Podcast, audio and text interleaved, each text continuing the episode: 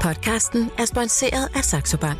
Vil du investere i aktier til nogle af markedets laveste priser på en brugervenlig investeringsapp, Saxo Investor? Hør mere efter podcasten. Millionærklubben fra Jørgen Investor med Bodil Johanne Gansel.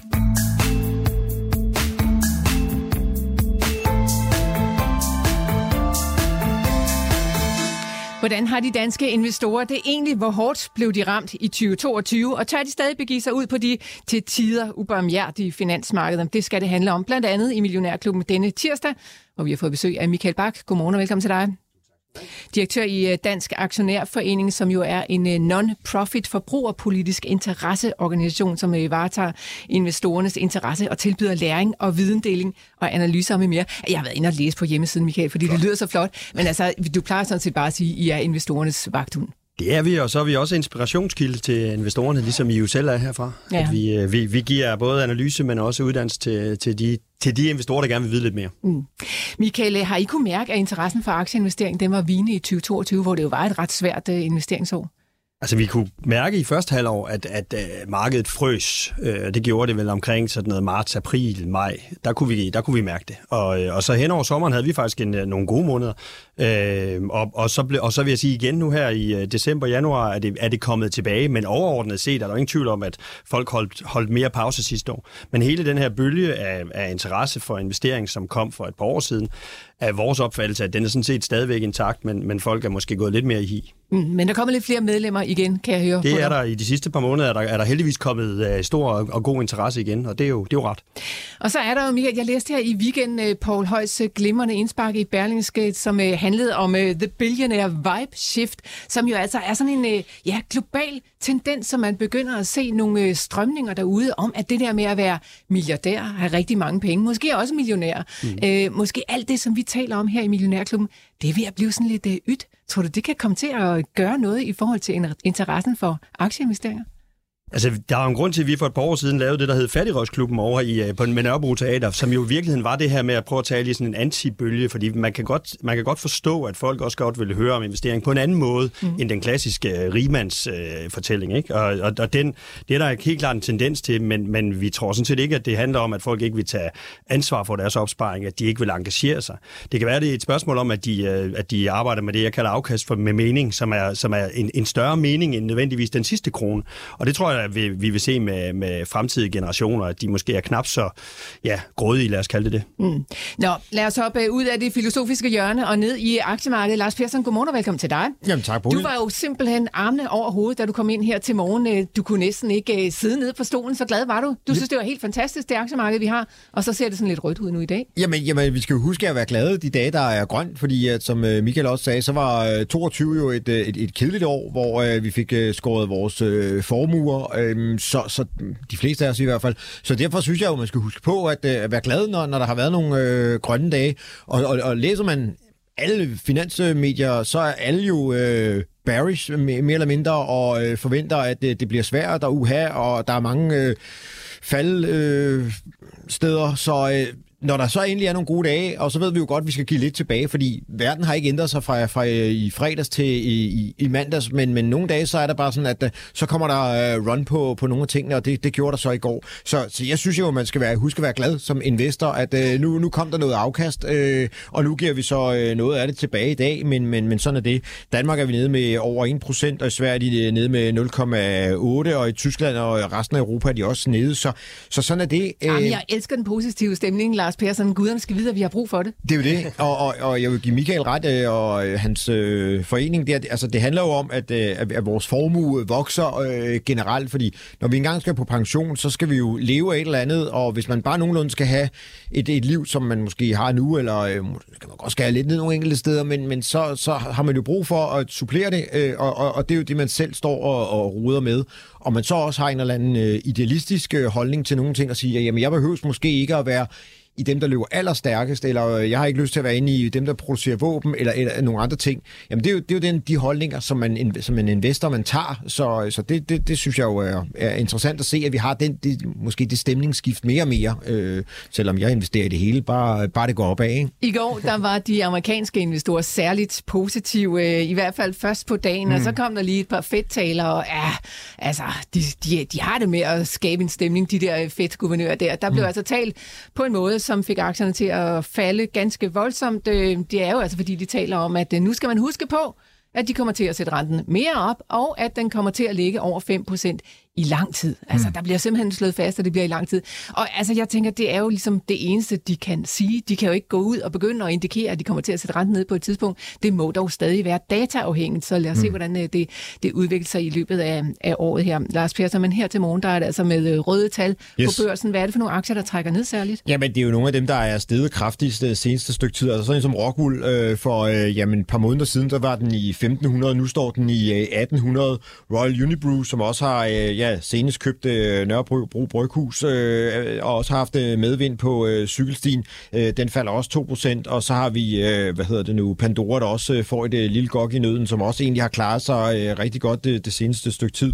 Så, øh, og så er nogle af de tech-aktier, der, der sådan er, er hoppet lidt med på, på bølgen, og så har vi faktisk også Genmap og Bavarian Nordic. Så det, det er nogle af de brede, tunge aktier, og det er jo også derfor, at vi er, vi er nede med 1% på det danske marked, så mens det er nogle af de lidt mindre små, øh, lette kavaleri, øh, den eneste rigtig tunge øh, aktie, der stiger. Det vil Ørsted, ellers er det... Øh, Øh, Kreditbanken og Fyns Bank og øh, AGF og Rias og sådan nogle små øh, andre aktier, som stiger. Og til dem, der har øh, skibe, som har jo haft et par, par lidt kedelige dage, så kan jeg se, at Norden også er kravlet i et øh, plus. Så øh, må ikke også, at der er nogen, der køber nogle aktier ind for, for, for forventninger om nogle store udbytter, der, der ligger og, og spekulerer i det. Så øh, det kan man jo øh, måske overveje, hvis man har lyst til det. Så, så sådan ser markedet ud lige i øjeblikket. Og Pia, så står vi jo sådan set også bare og venter på ikke mindst inflationstal på torsdag, der mm. lander lander i USA. Vi har fået inflationstal her til morgen fra mm. Danmark. De, ja. de, de fortsætter med at falde en mm. lille bitte smule i hvert fald.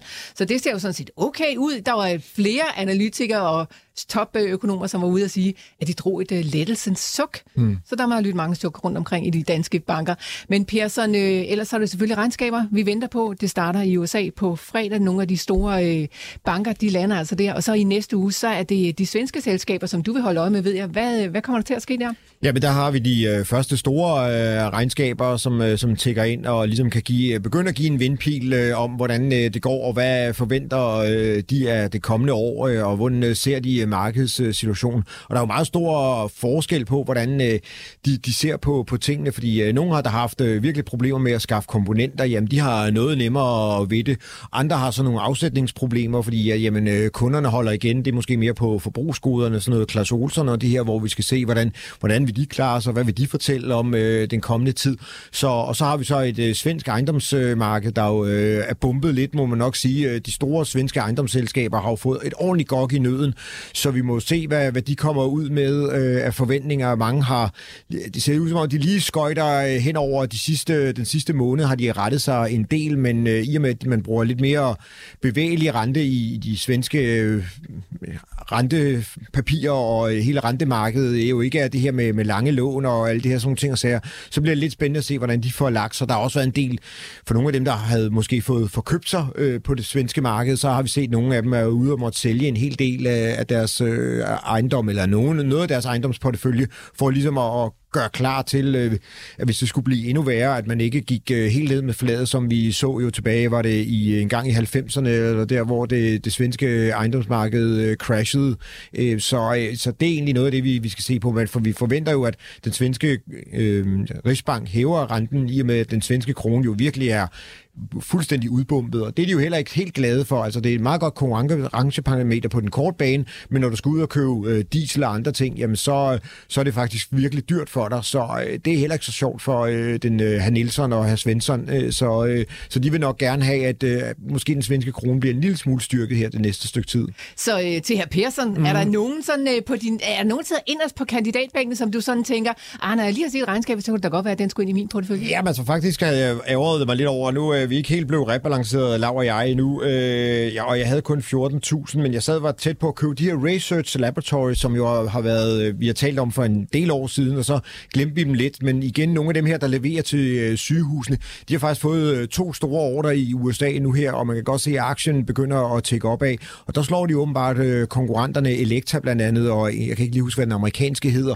men, men, men øh, der, har de åbenbart fået en, øh, en dør i, i foden, og hvis, øh, hvis det er vejen frem stadigvæk, så kan det, så kan det blive interessant år for Research Laboratories, hvis man, øh, ja, hvis man øh, går og kigger efter de her, der leverer ind til øh, hospitalerne og med hospitalsudstyr, som øh, Laura og jeg talte om i fredags blandt andet også. Og de kommer med regnskab i næste uge også? Øh, nej, der går noget længere tid, så, okay. men, men det er mere orderne, så fordi hvis de har nu har fået den her fod i, i døren, så skal man måske holde sig øh, klar ved, ved, ved købsknappen, og trenden er også vendt. Du er altid klar, Lars Persson. Yes. Det er det Millionærklubben, det er tirsdag morgen. Jeg har Lars Persson og Michael Bak i studiet. Vi skal tale lidt om de danske investorer, hvordan de egentlig har det. Vi skal også høre lidt om, hvad det er for nogle aktier, som de særligt er optaget af her i 2023. Hvis du har spørgsmål til programmet, så er du velkommen til at skrive ind til mig. Nummeret det er 20, det er, jeg kan simpelthen ikke huske nummer nu. Nå, det må du finde ud af bagefter på lidt. 42 42 03 21. Der gik klappen simpelthen ned. Det kan ske. 42 42 03 21. Husk at starte din sms med Mio, og så smid den altså til 42 42 03 21.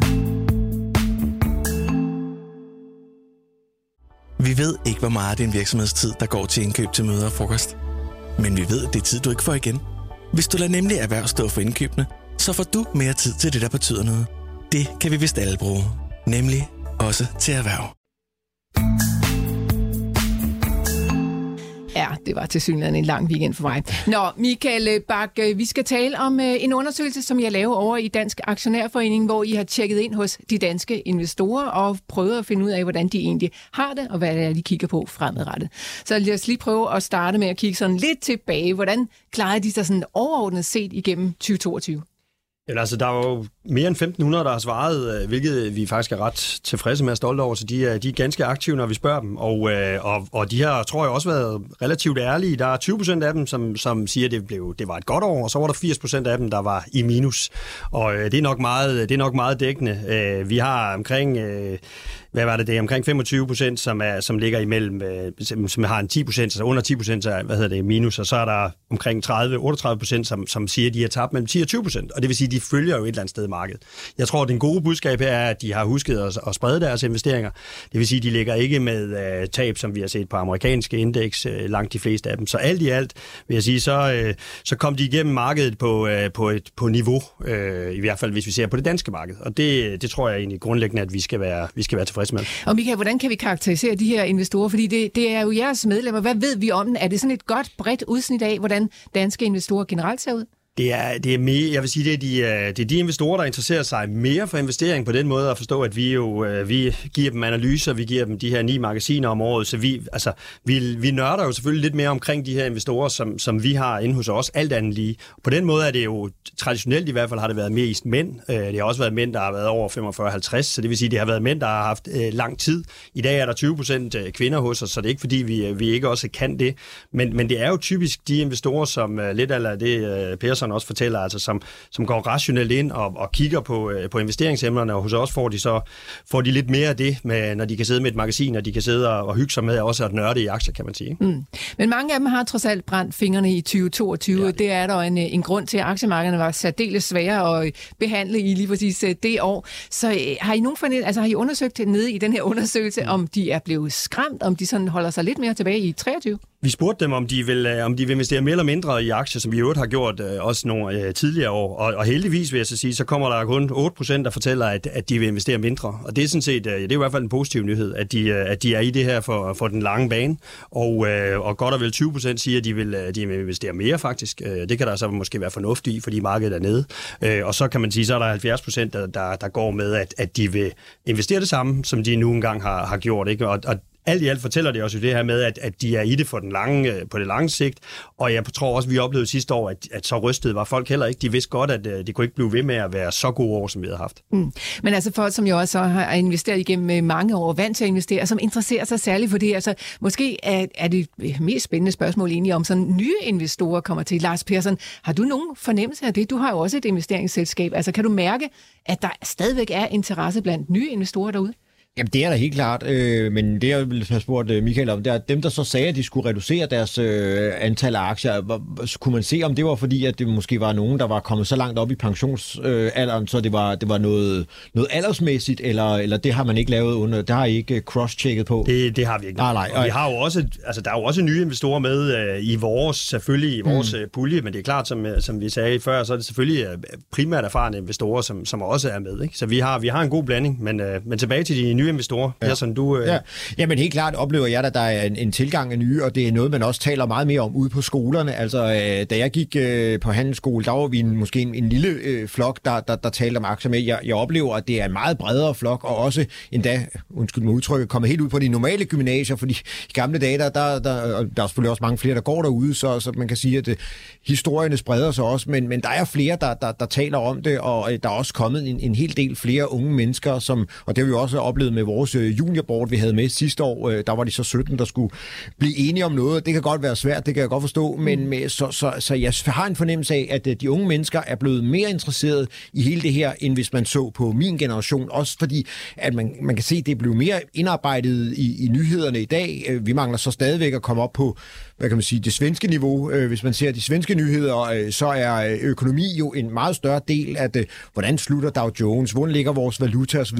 Da jeg var barn, der var der jo Hans Bischoff, der var inde og fortælle noget om det. Og det kunne man godt, man kunne godt savne i noget mere indlæring, og i det hele taget, at det kom med på skoleskemaet, hvordan man egentlig styrer sin økonomi. Hvor kommer pengene fra? Mm. Sådan, så man ligesom fik, og hvordan investerer man? Men, men, men også i, at man har fået tilgang til øh, online handelsplatforme som Nordnet, Saxo Bank, uh, eToro, uh, ECG, eller hvad hed den anden, Shio der. Det Shio, ja. Det ja, og så har jeg vel ikke glemt nogen, men, men, men så, så er det også blevet lidt nemmere for, for, for almindelige uh, unge mennesker også at så sidde og få sig en, en holdning og, og sidde og trykke på knappen. Og det er vel sådan set både godt og ondt i et eller andet niveau, Michael, fordi altså, der er vel også unge mennesker, det så vi da i hvert fald under corona, som måske kommer til at kaste sig lidt hovedkuls ind i det her, fordi det er blevet så let at gå til, og det er nærmest blevet gamificeret, som vi har talt om flere gange, at handle aktier. Hvad tænker du om det? Der var, der var nogen, vi har faktisk også øh, dialog med Center for Ludomani, altså der var jo unge mænd, som, som er kommet ud et sted, hvor de ikke burde være, men det er stadig de få, vil jeg sige. Øh, og det, det har vi, øh, altså vi arbejder jo også med det her politisk, øh, vi er jo også øh,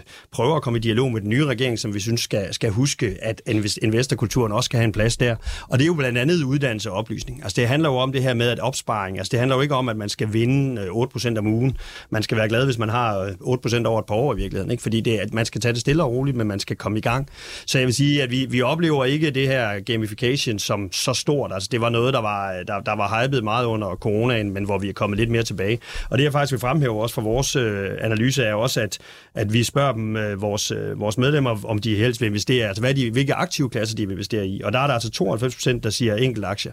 Og et eller andet sted, så kan man sige, at det er måske ikke så overraskende, fordi de så også er medlemmer hos os. Men jeg synes stadigvæk, det er lidt positivt, fordi der blev også fortalt en historie, der har været fortalt en historie de sidste par år om, at, at fonde er også populære. Og det er de, det er de gode, vil jeg så sige, til enhver tid til at, at sprede risikoen. Og jeg tror relativt mange unge, de går i gang med en opsparing, hvor de så går ind og lægger deres penge øh, passivt. Mm. Men det marked, vi går ind i, vil jeg så til gengæld sige, der er det, tror det er også vigtigt, at man ikke bare følger indeks, at man også sætter sig en smule ind i, øh, i hvert fald efter vores opfattelse, at, at man investerer med, med hjernen. Det vil sige, at man finder ud af i hvert fald at være i de rigtige sektorer, eller sørge for at have noget spredning, også selvom man investerer i fonde. Og som sagt, her var det 90% øh, plus, der vil i enkelte aktier. Passive fondene ligger med 30%, der siger, at de gerne vil i det, og 20% øh, plus minus i aktive fonde. Så det er de tre vigtige. Under 1% i krypto øh, måske ikke så overraskende. så i takt med, at vi sådan generelt taler mere og mere om uh, investering ude i det ganske danske land, så bliver folk måske også endnu mere bare sådan uh, opildende til selv at sætte sig ned og prøve at lege lidt med det og lave nogle analyser af den slags. I hvert fald, uh, for, som vi plejer at sige, for nogle af midlerne er det, er det en god ting at, at engagere sig mm. og, og, blive, og komme ind i det her. Det er jo også et spændende univers, man bevæger sig ind i. Ikke? Så, ja. så på den måde er det, er det vigtigt. Og jeg kan også se på vores sms, at det, det vælter altså ind med spørgsmål, altså virkelig uh, gennemgribende spørgsmål, og spørgsmål, som man virkelig har tænkt over lang tid uh, fra unge mennesker. Og det, det, det synes jeg, der er blevet mere af igennem øh, årene, jeg har stået her. Lars Persson, du havde en kommentar? Jo, men der, der var to ting, og under coronaen, der fik vi også ligesom et par apps, hvor man kunne ligesom sidde og følge det og skulle købe og sælge. Altså det, det der med, at man skal huske, altså man skal jo tænke på sin portefølje, er lidt ligesom når man går til en idrætsgren eller et eller andet. men man skal jo ikke sidde og massere den hele tiden, fordi så er der ja, kun nogle vinder, og det er måske der, hvor man handler i det her. Så, så det, er jo ikke, det er jo ikke ligesom at otte, at der er en ny kamp og, øh, hele tiden. Altså, man skal ligesom vælge nogle, øh, nogle, nogle kampe, og så har de, nogle af dem, som har lært mest, når jeg har mødt dem og fortalt, spurgt, øh, Nå, men, øh, hvor der du kommer i gang? Det er, når folk har brændt sig faktisk. Øh, I heldigvis en ung alder har jeg, og det var så mest mænd, kan man sige, at jeg har mødt øh, til nogle af mine investeringsafter, hvor jeg siger, Nej, nu skal jeg virkelig lære at analysere, eller jeg, jeg skal ikke bare sidde og øh, tro med næsen, eller bare fordi jeg har læst et eller andet avis. Jeg vil også gerne egentlig sætte mig lidt ind i, hvad det for et selskab, jeg køber, hvor er trenden og sådan noget. Øhm, og, og der er sådan måske fornemmelsen af, at kvinder alligevel er en lille smule mere sådan, øh, de vil gerne vide lidt mere, inden de går i gang. Nu bliver det jo meget stigmatiseret, så det må jeg undskylde. Men, men, men, men jeg i hvert fald, og det er jo der, hvor jeg siger, jamen, så lad, dem, lad os brænde fingrene, når vi er helt unge, og, øh, og, og, og så tænke lidt anderledes, i stedet for det der med, uh, hu hej, jeg skal lige have nogle af alle de farlige aktier, men man skal også have nogle af de kedelige aktier, som mm. vi måske skal tale om uh, lidt senere. Ja. Lige om lidt. Uh... Lad os hoppe ned i det, fordi at, uh, I har jo altså også spurgt uh, investorerne derude, Michael, i undersøgelsen, sådan, hvad for nogle aktier de sådan kigger på og holder øje med, og hvad for nogle, der er spændende. Først og fremmest på indeksniveau, altså C25, uh, har de en fornem... Altså, hvad tror de, det skal op, eller skal det ned her i år? De er relativt, uh, det var Persson også glad for, da vi snakkede om det, de er relativt optimistiske. uh, fordi det er, hvis man ser det i forhold til, uh, til, til analytikerne derude, så, så er der måske sådan en, en større tvivl om markedet, men, uh, men godt og vel uh, 70 procent uh, siger, jamen, at de tror på en stigning dog begrænset til mellem 0 og 10, 0 og 10 procent. Men der er kun øh, omkring ja, 15 procent, der tror på, at det skal gå skidt i år. Ikke? Så det vil sige, generelt er der en, er der en tro på, at vi, at vi får et, et fornuftigt år. Og man kan sige, det, det er der måske også en historisk belæg for, fordi det er sjældent, at vi i hvert fald har to så dårlige år, som, som det vi havde sidste år. Så, så, så det, på den måde øh, lytter de måske også til, til øh, hvad hedder det, vælger at være fornuftige, og så lytter de måske også til, til nogle af de her ja, statistikker. Og hvilke aktier er det så, som øh, jeres brugere de sådan er mest interesseret i? Hvad for nogle synes de er mest spændende? Altså, der er en, en, en top 5, som, uh, som de udpeger, og, uh, og, og helt i front ligger, og det er måske knap så uh, overraskende, fordi det har den gjort et par år med Novo Nordisk. Uh, nu kan vi lige gå ind og måske tale lidt mere om dem, men ellers så, udover Novo Nordisk, som, som er der, som jo har gjort det fantastisk, men uh, kan det blive ved? Det er, jo, det er jo et af spørgsmålene. Så er der, så er der lidt overraskende, blandt andet GN Store Nord, der finder, der finder plads uh, på, på listen. Vestas er også med i den nedre ende, men ellers er det Bavaria Nordic, og i virkeligheden er de tre aktier i hvert fald øh, måske lidt øh, kendetegnet ved, at det er spændende aktier, for nu bare at sige det, som det er. Mm. Og så er der jo Danske Bank, som i virkeligheden jo, øh, folk har ventet på, tror jeg. Altså det her, den afklaring, der lige er kommet. Vi har faktisk øh, sjovt nok set, at, at, at egentlig gennem hele krisen er der ikke sådan, folk har vendt ryggen til, til Danske Bank. De har, de har, øh, selvfølgelig har de måske nok solgt ud, men andelen af private investorer i Danske Bank er jo steget. Så nu er, det, nu er det tiden, tror jeg, de fleste håber på, at Danske Bank skal give noget af det tilbage, de har siddet og ventet på. Så det er de, det er de fem, der, der ligesom scorer højst, og man kan måske så lige sige, DSV er en af dem, der er røget ud af listen. Øh, måske heller ikke så overraskende. AP Møller Mærsk er også ude, så det vil sige, at transportsektoren er de, har, de, øh, har de ikke den store tiltro til. Det er jo altså også øh, sektorer, som har gjort det rigtig godt igennem lang tid, så det kan jo godt være, at man tænker, men lad mig tage noget profit hjem, da jeg kunne det, og så begynder at kigge nogle andre steder hen. Mm. Det kunne man jo også godt tro, at folk sad og tænkte om Novo Nordisk. Ja, det kunne man måske godt øh, tro. Altså i hvert fald har det jo været en aktie, der har været meget fokus på. Øh, vi havde oprindeligt en analyse med Ole Søberg i spidsen, der, der, der sagde, at den skulle fra 400 til 800. Og jeg tror, dengang for tre år siden, der var der ikke mange, der troede på, at det kunne lade sig gøre. Det er så nu øh, blevet en virkelighed. Jeg har selv været ude og møde deres øh, økonomidirektør øh, og, og hvad hedder det, øh, Carsten Munk derude og interviewet ham, og det går jo bare rigtig godt, men de kloge analytikere siger jo også, kan det blive ved? Altså det er en, det er en PE på, så vidt jeg husker, er det 45 eller, eller lige omkring de 40 måske mm. nok. Ikke? Og det vil sige, det er meget, meget dyr aktie efterhånden. Og, øh, og det er i hvert fald noget af det, som, øh, som, som man måske nok kan, kan stille spørgsmålstegn ved, men lige nu er den jo, er den jo på vej mod 1000. Så øh, jeg ved ikke, hvad Persson han... Det kan godt være, at man skal ja. balancere lidt øh, i Novo Nordisk i hvert fald. Vi har en øh, artikel på Euroinvestor, hvor Torleif Jackson han øh, udtaler sig, og han siger altså, på 30 års sigt, der har Novo Nordisks PE-værdi bevæget sig i et bånd mellem 17 og 30, og nu ligger vi altså omkring de der 40, så altså, øh, det kan godt være, at der skal justeres en lille bitte smule. Det er måske ikke der, man lige skal ligge overvægtet. Lars Persson, hvad siger du? Altså, normalt så når vi kommer til sådan nogle øh, runde, sjove tal som, som 1000 og øh, andre øh, tæt på Fibonacci-tal og så videre, så, så er det jo, at, øh, at øh, man får lidt svært ved det, fordi nu skal man, øh, det var jo nemt nok, men når man skulle hive muldvarpeskin op af baglommen til øh, måske 300 eller 350 eller 400 eller måske endda 600, men nu skal, når man skal 1000, så, så er det ligesom om, at der, der, der er nogen, der, der stopper, og, og apropos så, jamen PE på en øh, 45, så er der også nogen, der er de professionelle, siger, ah, jamen, så, er det ikke, øh, så skal jeg ikke købe flere, men jeg, jeg har min beholdning.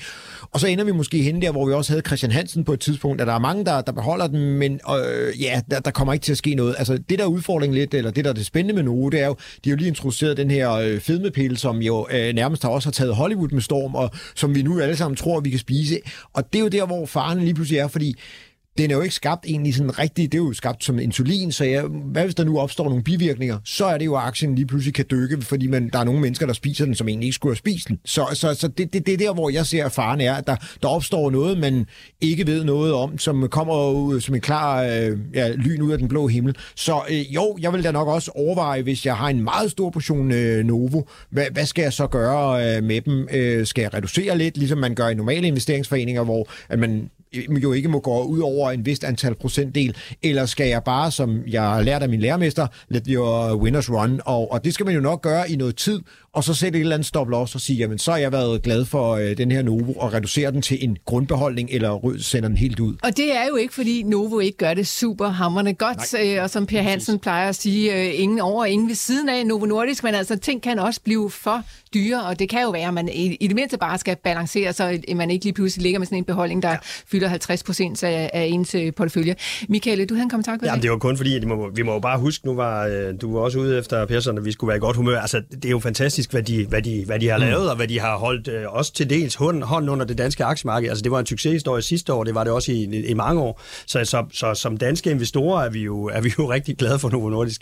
Det skal man jo ikke glemme. Og derfor så, så er der heller ikke nogen, der siger, at den ikke, den ikke kan tage sig et, et par procent opad. Altså, det, det er der jo ikke nogen, der ved. Og i hvert fald kan vi bare konkludere, at folk har tillid og det er jo så tilbage til, til, til generelt C25, rigtig godt ledet selskaber. Ikke? Og det synes jeg bare, vi skal, vi skal huske at være glade for også øh, som, som ja, investorer. Mm. Der er også godt ledet selskaber, Michael, som øh, jeres øh, brugere, de ikke sådan har, har specielt meget flavor for. De, øh, de putter dem helt i bunden af den der liste, når jeg har spurgt, hvad for nogle aktier de er mest interesseret i. Hvad er det for selskaber?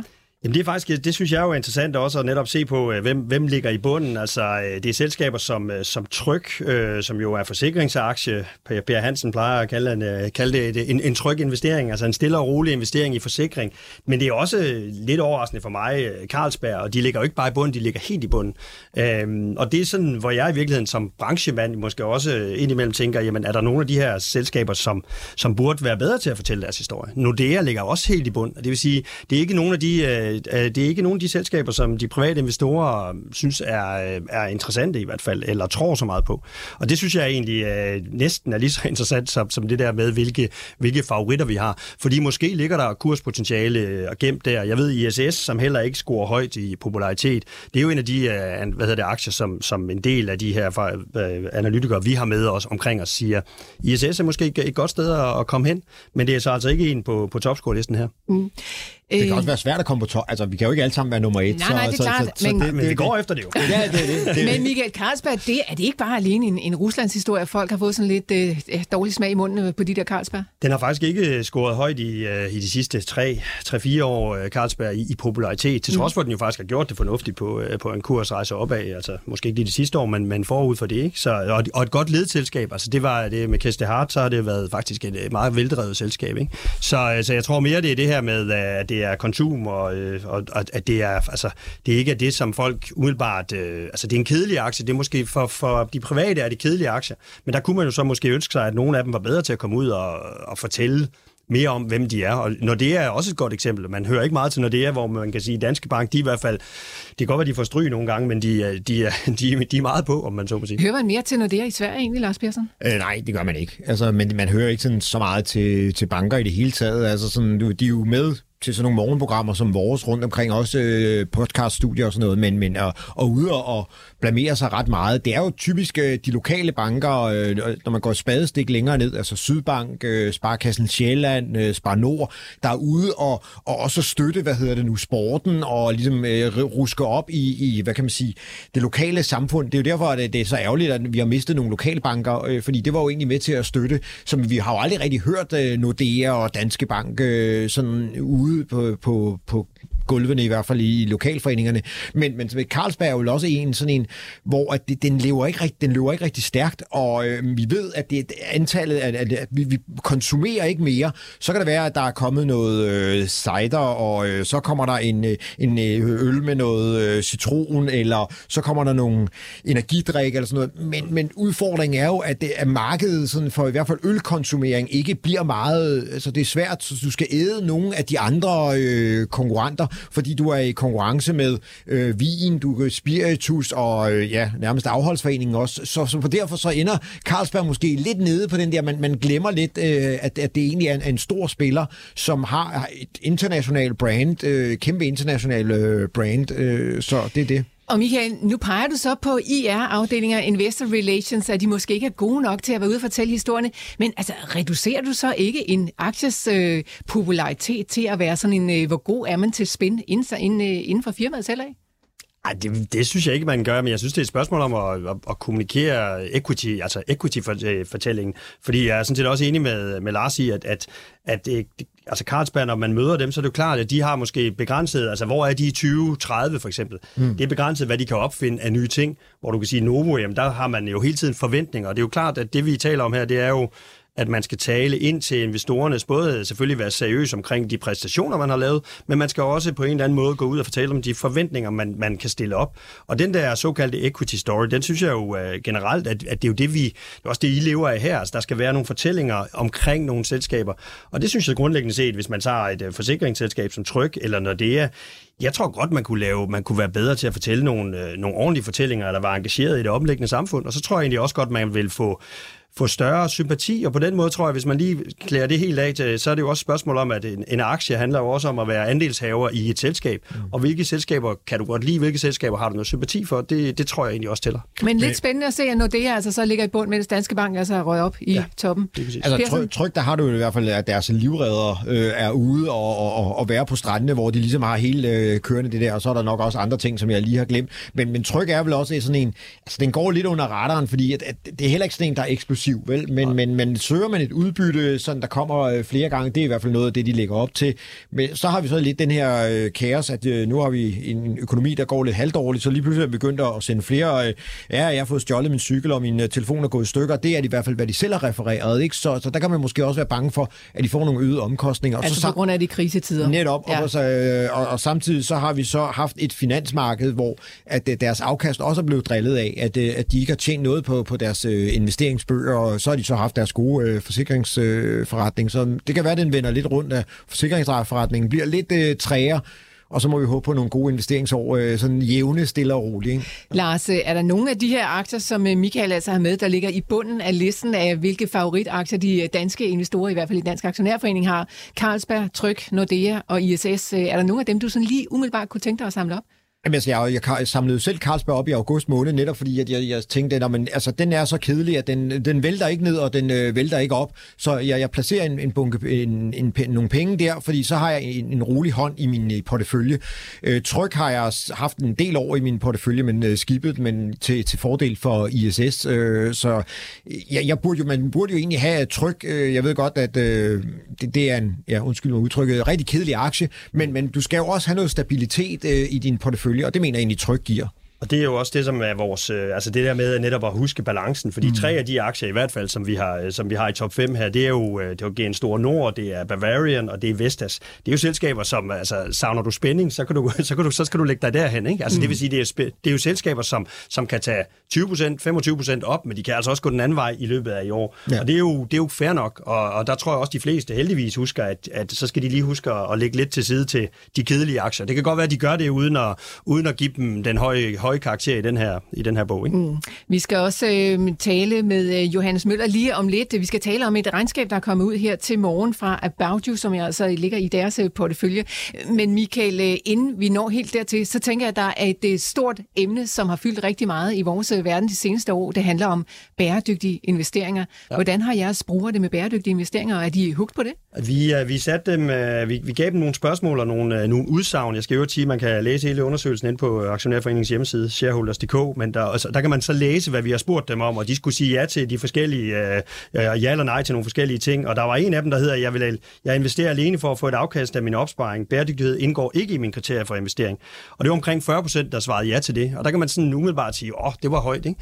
Men, men der tror jeg lidt ligesom uh, Lars sagde tidligere, at, at, at det, det kan man sammenligne med, om hvis man går ned i supermarkedet og, og handler økologisk eller ikke handler økologisk. Altså jeg tror, mange af de her, de her investorer, som vi taler med, de, de går rationelt til værks. Jeg tror stadig, de vil, øh, de vil have ordentlighed øh, omkring de selskaber, de går med, men de er ikke ligesom pensionskasserne de fremmeste eller de hurtigste, eller dem, der, der kan man sige, kommer til at ændre den bæredygtige omstilling, hvis vi sådan skal tro det her. Der er 15 procent, øh, er det 17 procent, der siger, at de øh, investerer i bæredygtighed, fordi de mener, det er rigtigt.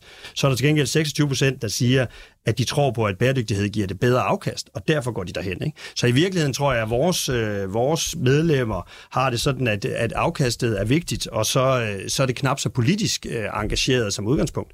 Øh, og det tror jeg sådan set, øh, at det gælder også, når man spørger ind i pensionskasserne. Hvis du spørger en øh, specialarbejder på 45, når han skal på, eller hun skal på pension øh, som 65-70-årig, så er det altså afkastet, som, som står forrest. Så den, den, det tror jeg egentlig, at de private investorer, øh, i hvert fald i en generation, som man ligger måske 40 år plus opad. Ja, så der er et alderselement i det, tænker du?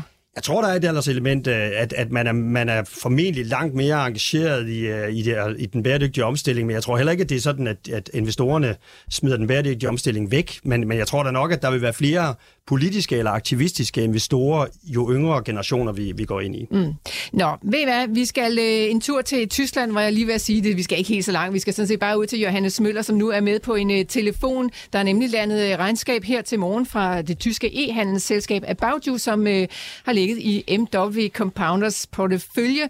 Johannes, lad mig bare lige starte med at høre. Har I egentlig den aktie stadigvæk? Nej, vi mistede faktisk øh, lidt tålmodigheden med den efter deres øh, sidste regnskab for, øh, for et kvartal siden. Øh, vi synes, der var nogle problemer, der begyndte at bygge sig op, så derfor valgte vi at, at faktisk sælge aktien med, øh, med et pænt tab. Øh, vi havde også øh, Boost i porteføljen, og begge de her to e-handelsvirksomheder, de var faldet med omkring 75 procent på det tidspunkt. Øh, vi synes, at øh, tegnene stod sådan i stjernes sol og måneder, at det kunne rette lidt med Boost, så derfor solgte vi vores aktie i About You og lagde pengene over i Boost, fordi vi tænkte, eller vurderede, at det var bedre mulighed for, for at vinde pengene hjem igen der. Så det var lidt et, et hurtigt eventyr, I havde der med About You. Hvor lang tid var den egentlig på det følge? Jamen, det var da et fejlslagende eventyr, vil jeg sige. Det var, den var i porteføljen i godt års tid, cirka. Og jeg, jeg siger, Johannes, det er ikke for at sparke til en mand, der ligger ned. Nu kan jeg jo godt høre, at jeg tager penge på den, men bare lige så vi kan prøve at blive klogere. Altså, hvad var det, der viste sig, som øh, I ikke havde set komme? Altså de problemer, der ligesom begyndte at bygge sig op, og dem, der også øh, er reflekteret i dagens regnskab, det er jo ligesom det her med, at, at omsætningsvæksten kom ned, og det, de havde fortalt os, det var jo, at de havde en lav indtjening, fordi de voksede en masse. Øh, men det vi så kunne se, dengang omsætningen begyndte, altså væksten i omsætningen faldt, så var det ikke sådan, at man kunne se, at indtjeningen lige pludselig blev bedre af den grund. Øh, så det var det ene problem, det var. Og så øh, har de også øh, haft nogle problemer med deres lager. Altså de har simpelthen haft for dårlige kontrakter med de leverandører, de har på deres logistikløsninger. Øh, så det endte med, at de stod med en masse ekstra omkostninger på deres øh, logistikside. Og så til sidst, så, så var de simpelthen, øh, havde de bygget kæmpe varelag op. De har simpelthen ikke formået i tide at omstille sig til, at der var en afmatning i markedet. I modsætning til for eksempel Boost, det var en ting, det gjorde, vi godt kunne lide Boost. Der var direktøren jo ret tidligt ude allerede tidligt sidste år at sige, der kommer en afmatning, vi bliver nødt til at brække varelager ned. Det værste, der kan ske for en e-handelsvirksomhed, det er, hvis man brænder ind med varelager i en, i en nedtur. Mm. Så øh, ja, der er, altså, nu kan I jo så sidde med armen over hovedet og glæde jer over, at I ikke har den aktie i portefølje mere. Det lyder altså til, at de problemer, de sådan set fortsætter i det regnskab, der er landet her til morgen, Johannes. Er der noget, sådan, er der noget særligt, du bider mærke i ellers? Ej, jeg synes, det er lidt de der ting, øh, så, som jeg nævnte, er det der med, at, at vi ser altså fortsat en svag lønsomhed, til trods for, at omsætningsvæksten øh, er meget lav. De vokser kun omkring 8 øh, i, i tredje kvartal. Øh, og de er også ude at nedjustere deres øh, forventninger til, øh, til hele året, så nu kommer de ud i bunden af det, det interval, de har guidet. Mm. Øhm, Så, så de, de, de, er, de er kørt lidt ind i en, en blindgyde, og, og det virker som om, at de bliver måske nødt til at tage nogle lidt større geværgreb for at, at få rettet, rettet skuden op. Og man kan jo godt blive noget nervøs på nogle af de her selskabers øh, vegne. Vi går øh, kigger hen imod noget, der kunne ligne en, øh, en recession. Øh, der er masser af mennesker, der holder pengene i lommen, fordi de simpelthen er bange for, hvordan deres egen øh, skæbne den nu er med øh, jobmarkedet og alt muligt andet. Det ser svært ud i 2023, Johannes. I går der fik vi også øh, regnskab fra Lululemon, eller var det en nedjustering? Øh, I hvert fald faldt aktien 10 procent, og Matis var også ude med sådan relativt bekymrende udmeldinger. Altså sådan detailhandlen og e-handlen, øh, ser det ikke svært ud for det? Altså, jeg tror da, at budskabet, jeg vil jeg sige, er lidt mere blandet. Altså, nu kommer der faktisk en opjustering fra Boost øh, her i slutningen af 2022, og, øhm, og jeg tror da, at hvis vi, øh, hvis vi undgår en hård recession, så tror jeg, at der faktisk er mange af de her øh, detailhandelsvirksomheder, hvor aktiekursen i hvert fald havde indpriset en hård recession. Så hvis vi bare får en blød landing eller en mild recession, så tror jeg sådan set fra et aktieperspektiv, at nogle af de her historier godt kan være interessant i 2023. Øh, og det man også skal huske med mange af de her, de her selskaber, det er, at, at øh, når der kommer en afmatning, så bruger de altså lige 6-9 måneder på at få tilpasset lageret, og der skal de tage nogle tab, for de skal ud og clear en masse lager, sælge ting med store rabatter. Men så får de ligesom også renset ud i bogen, og så er de klar til egentlig at køre videre på, øh, øh, på det nye lavere omsætningsniveau. Og det andet, man også kan sige med nogle af de her e-handelsvirksomheder, det er, at de har jo stadigvæk den strukturelle vækst, øh, som hjælper dem. Altså, der er altså bare rigtig mange butikker derude, som har det utrolig svært i øjeblikket. Mm. Altså nu har vi lige været igennem en julehandel. Jeg, jeg har jo nærmest ikke købt, øh, øh, købt en gave i en butik. Nej. Ej, det er også for dårligt, Johannes. Det kan, det kan du ikke være bekendt. Det har jeg heller ikke. Men det er så meget besværligt, når man får alle de der pakker hjem, og man ikke lige kan huske, hvad der er inde i dem. Øh, Johannes, øh, i forhold til Boost og hele branchen, øh, der er jo enormt meget konkurrence derude. Der er også rigtig meget konkurrence, som er væltet ind over os, også ude fra Kina med det her øh, e-handelsselskab, der hedder Shine, tror jeg, eller Shein. Jeg ved ikke lige, hvordan man udtaler det. Er sådan set også lige meget. Øhm, hvordan ligger de i den der konkurrencesituation, altså Boost? Jamen, jeg tror noget af det, som Boost har været heldig eller dygtig til, det er, at de, de, deres målgruppe er jo sådan lidt mere modne kvinder.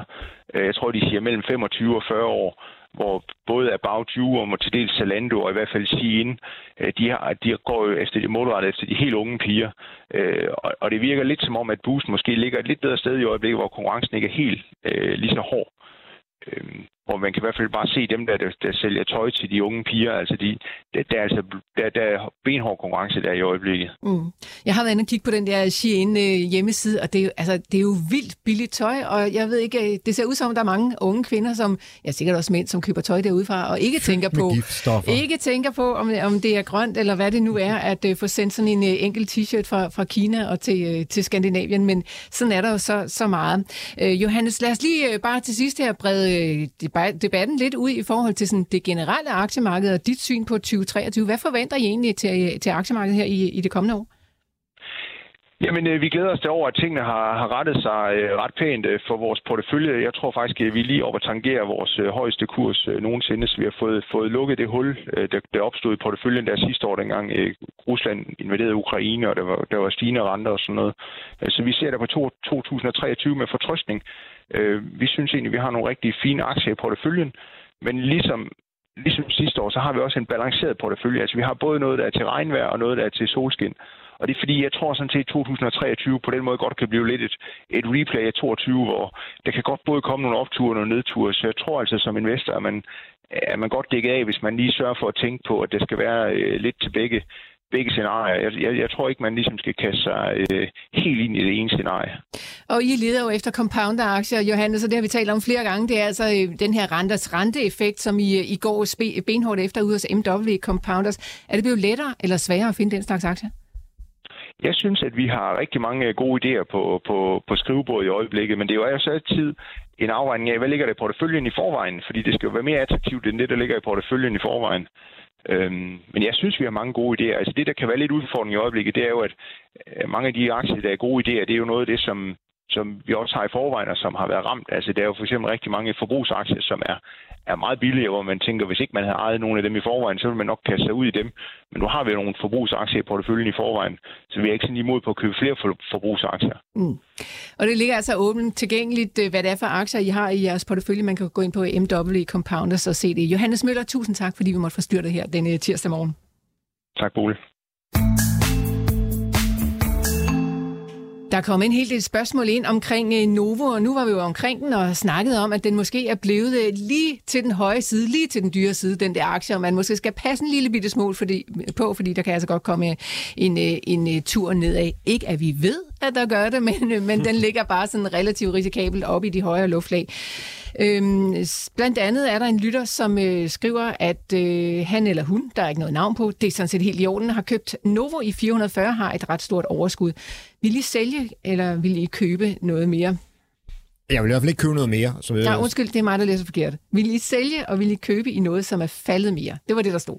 Nej, altså jeg vil jo øh, sætte et eller andet stop loss øh, og sige, hvis den faldt under det her, så vil jeg, øh, så vil jeg hoppe ud og sige, men ellers så vil jeg satse øh, altså, på, at øh, aktien kommer op og, og skulle ramme de 1000 også, fordi Jamen, de kommer nok også til at udbetale øh, flere udbytter. Øh, det kunne også være det, man skulle øh, satse på, at det blev sådan en øh, udbytteaktie, som man kunne stå og, og malke lidt. Øh, men nej, jeg vil ikke øh, bare sælge den. Øh, det kommer selvfølgelig an på, udgør den 80% af din øh, portefølje, jamen så kunne det måske godt være, at jeg vil overveje det, men, men ellers så vil som, som udgangspunkt, så vil, så vil jeg ikke, øh, så vil jeg beholde den, og så se, om den ikke kunne, kunne vride noget mere ud af den. Men balancere kunne du sagtens finde på at gøre, Lars Persson? Ja, hvis den udgør en meget stor del af din portefølje, så ja. Og så er der Jesper, som spørger, om I tror, der kommer et split i Novo-aktien. Ja, det ved jeg ikke. Er det noget, man kan gætte på?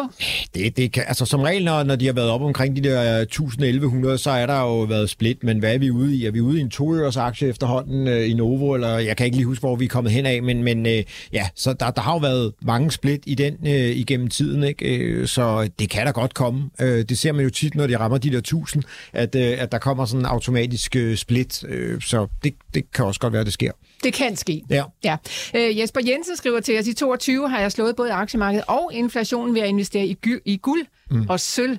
Tak for et godt program. Øh, Michael, er der nogen af jeres øh, brugere, spurgte I dem, om de investerer i, øh, i sådan noget som guld og sølv? Øh, ja, du havde noget om, om forskellige aktivklasser. Altså først og fremmest vil jeg jo bare sige, at vi, jeg var faktisk også herinde i marts sidste år, hvor vi havde en temaanalyse om, øh, om investering netop i, øh, i, i guld og sølvminer osv. Så, videre. så vi har, vi har haft det tema på allerede i marts-april sidste år, så det er jo et tema, der fylder noget.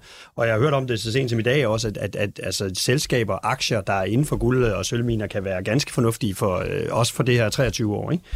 Øh, jeg har ikke umiddelbart en, øh, et statistik med på, øh, på præcis, præcist øh, guld, øh, som jeg nu skal lige prøve at se, om der om det var det, de svarede ind i. Det ser ikke ud til, at det var det, de... Øh, jo, der, der siger kun 1,66 her. Råvarer, 6, 6 procent siger, øh, af vores medlemmer siger, at de går, de går efter råvarer. Men det er jo så råvarer forstået på, at man investerer i øh, de forskellige råvareindeks og så videre. Og guld lige så, og når man spørger på den her måde.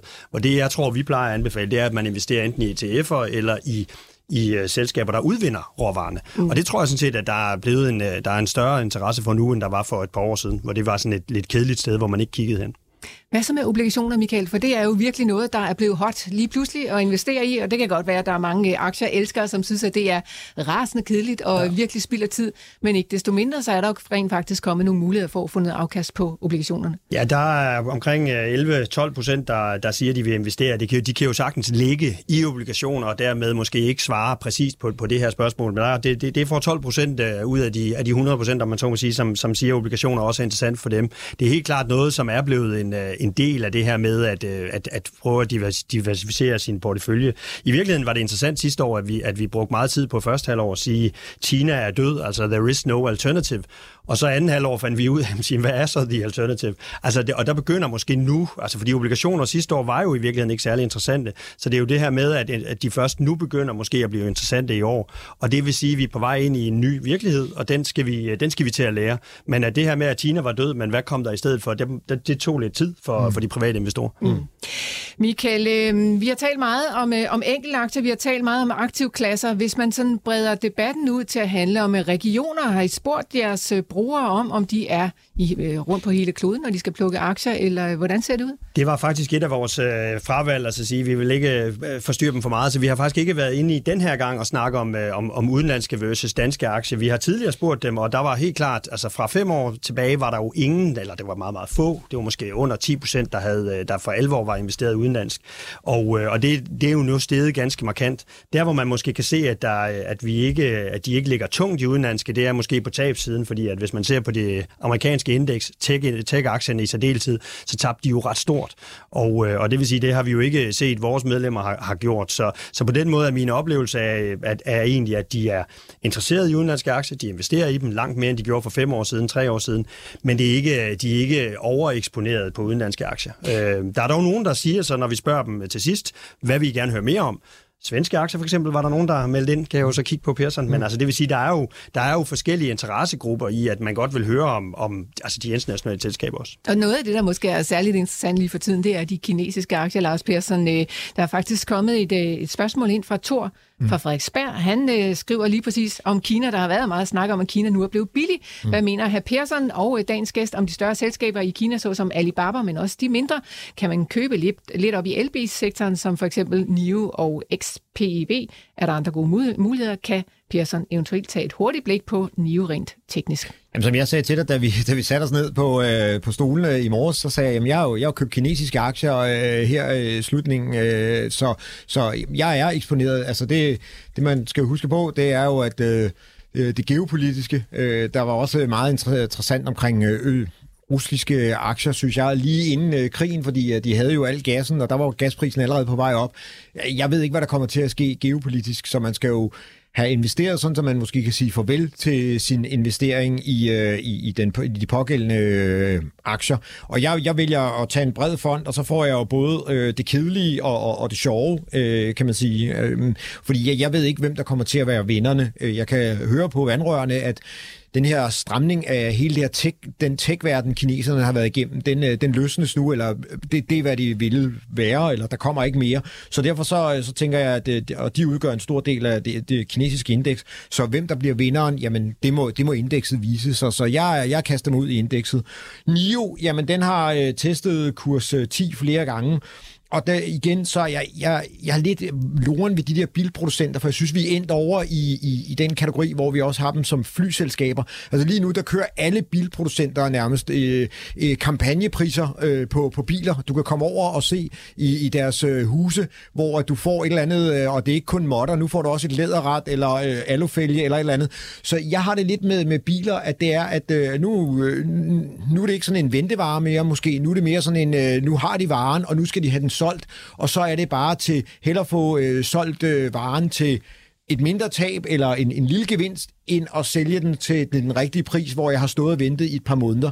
Så nej, jeg, jeg, jeg tror, vi skal kigge på nogle andre øh, andre ting end, end bilproducenter, hvis jeg øh, skulle kigge på noget. Det kunne nemlig være Alibaba eller nogen af det her. Michael? Ja, altså, jeg synes meget, det her afhænger af, hvilken type investor man er, fordi man skal i hvert fald, for mig at se, øh, kun døbt togen i, i Kina. En af fornøjelserne ved at være, hvor jeg sidder der og møde mange af eksperterne. Jeg mødte blandt andet Peter Garnry øh, til, til et tv-program på et tidspunkt, og han, han, var i hvert fald, øh, han var i hvert fald særdeles skeptisk på, øh, på Kina. Garnry sidder i Saxo Bank og, og følger jo de kinesiske marked også. Ikke? Og noget af det, han ligger væk på, det er jo faktisk det her systemskifte. Det her med, at vi er gået fra et åbent Kina til et lukket Kina.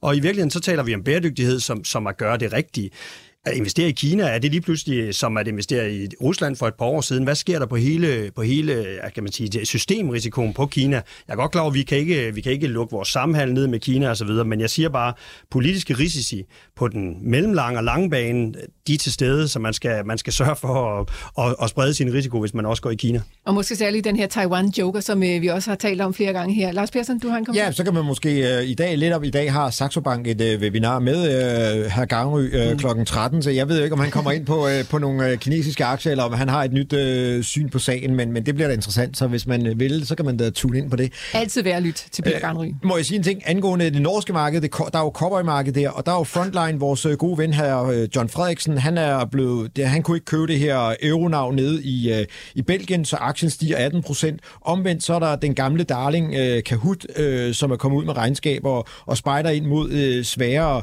øh, et, et ikke så godt marked til næste år og ned med 17 procent. Så altså, der er stadigvæk gang i det, det nordiske koppermarked op hos øh, nordmændene med 18 procent op og 17 procent ned.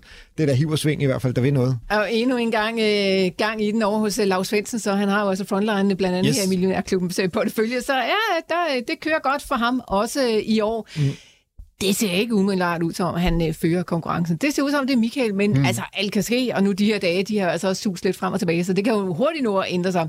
Når Lars Persson, øh, lad os ret blikket mod øh, det aktuelle marked derude og se, om øh, vi kan få hånd om, hvad der sker. Jamen altså hos os, der er, det, der er der Rockwool, der får et øh, gok i nøden, og Pandora og Royal Unibrew, som vi også øh, indledte med. Ikke? Og så har vi jo så øh, en af aktionærforeningens øh, måske øh, øh darlings, øh, Bavaria Nordic, som jo har en spændende pipeline, men som er så nede med, med 3% i, i, nu. Og det er jo spændende at se med, om, om deres, nogle af deres produkter i pipeline. De har tre produkter, der skulle komme her, øh, så om nogle af dem bliver til noget, fordi så kan der jo godt ske noget, og det er måske også det, at deres øh, medlemmer eller medlemmer over i aktionærforeningen har sådan spottet, at der er en spændende pipeline, og måske skal man øh, gamble lidt på det. Og er teknikken med i den historie, Lars Persson? Øh, nej, det, den er faktisk lige ved at lave en, øh, en dobbeltbund, så øh, det, det kunne være måske, at, øh, at øh, hvis der kommer gode historier ud fra den, at den så bliver effektueret, og så skal den, hvis det er en, en dobbeltbund, der holder, jamen, så skulle den jo gerne op øh, tilbage til øh, fordomskursniveauer. Øh, kursniveauer. 350, 400 måske. Ja, ja. ja. Hvis og hvis, Lars Yes, Persson. jamen, vi, det er ser, det. Sådan vi det. ser og holder selvfølgelig øje med øh, alle aktierne, også øh, de resten af dagene i øh, ugen. Tak til øh, Michael Bak, der var med her i studiet. Det var en fornøjelse at have besøg af dig, Michael. Tak til Lars Persson, som altid også en fornøjelse at have besøg af dig, Persson. Øh, det er aldrig kedeligt. Tak til Alex Brømjer, der stod for øh, teknikken derude, og tak til alle jer, der lyttede med. Selvfølgelig, vi er tilbage igen i morgen. Det er kl. 9.06 her på Euroinvestor.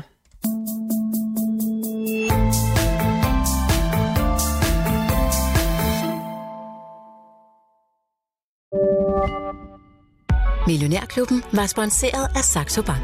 Ved du, hvad dine penge helst vil være? Hos Saxo Bank kan du få op til 3,05% i positiv rente uden binding. Bare ved at have en investeringskonto. Det er nemt og gratis at oprette en konto. Der er ingen konto og depotgebyr, og der er ingen binding. Så du kan altid investere eller trække dine penge ud. Kom i gang allerede i dag på saxobank.dk.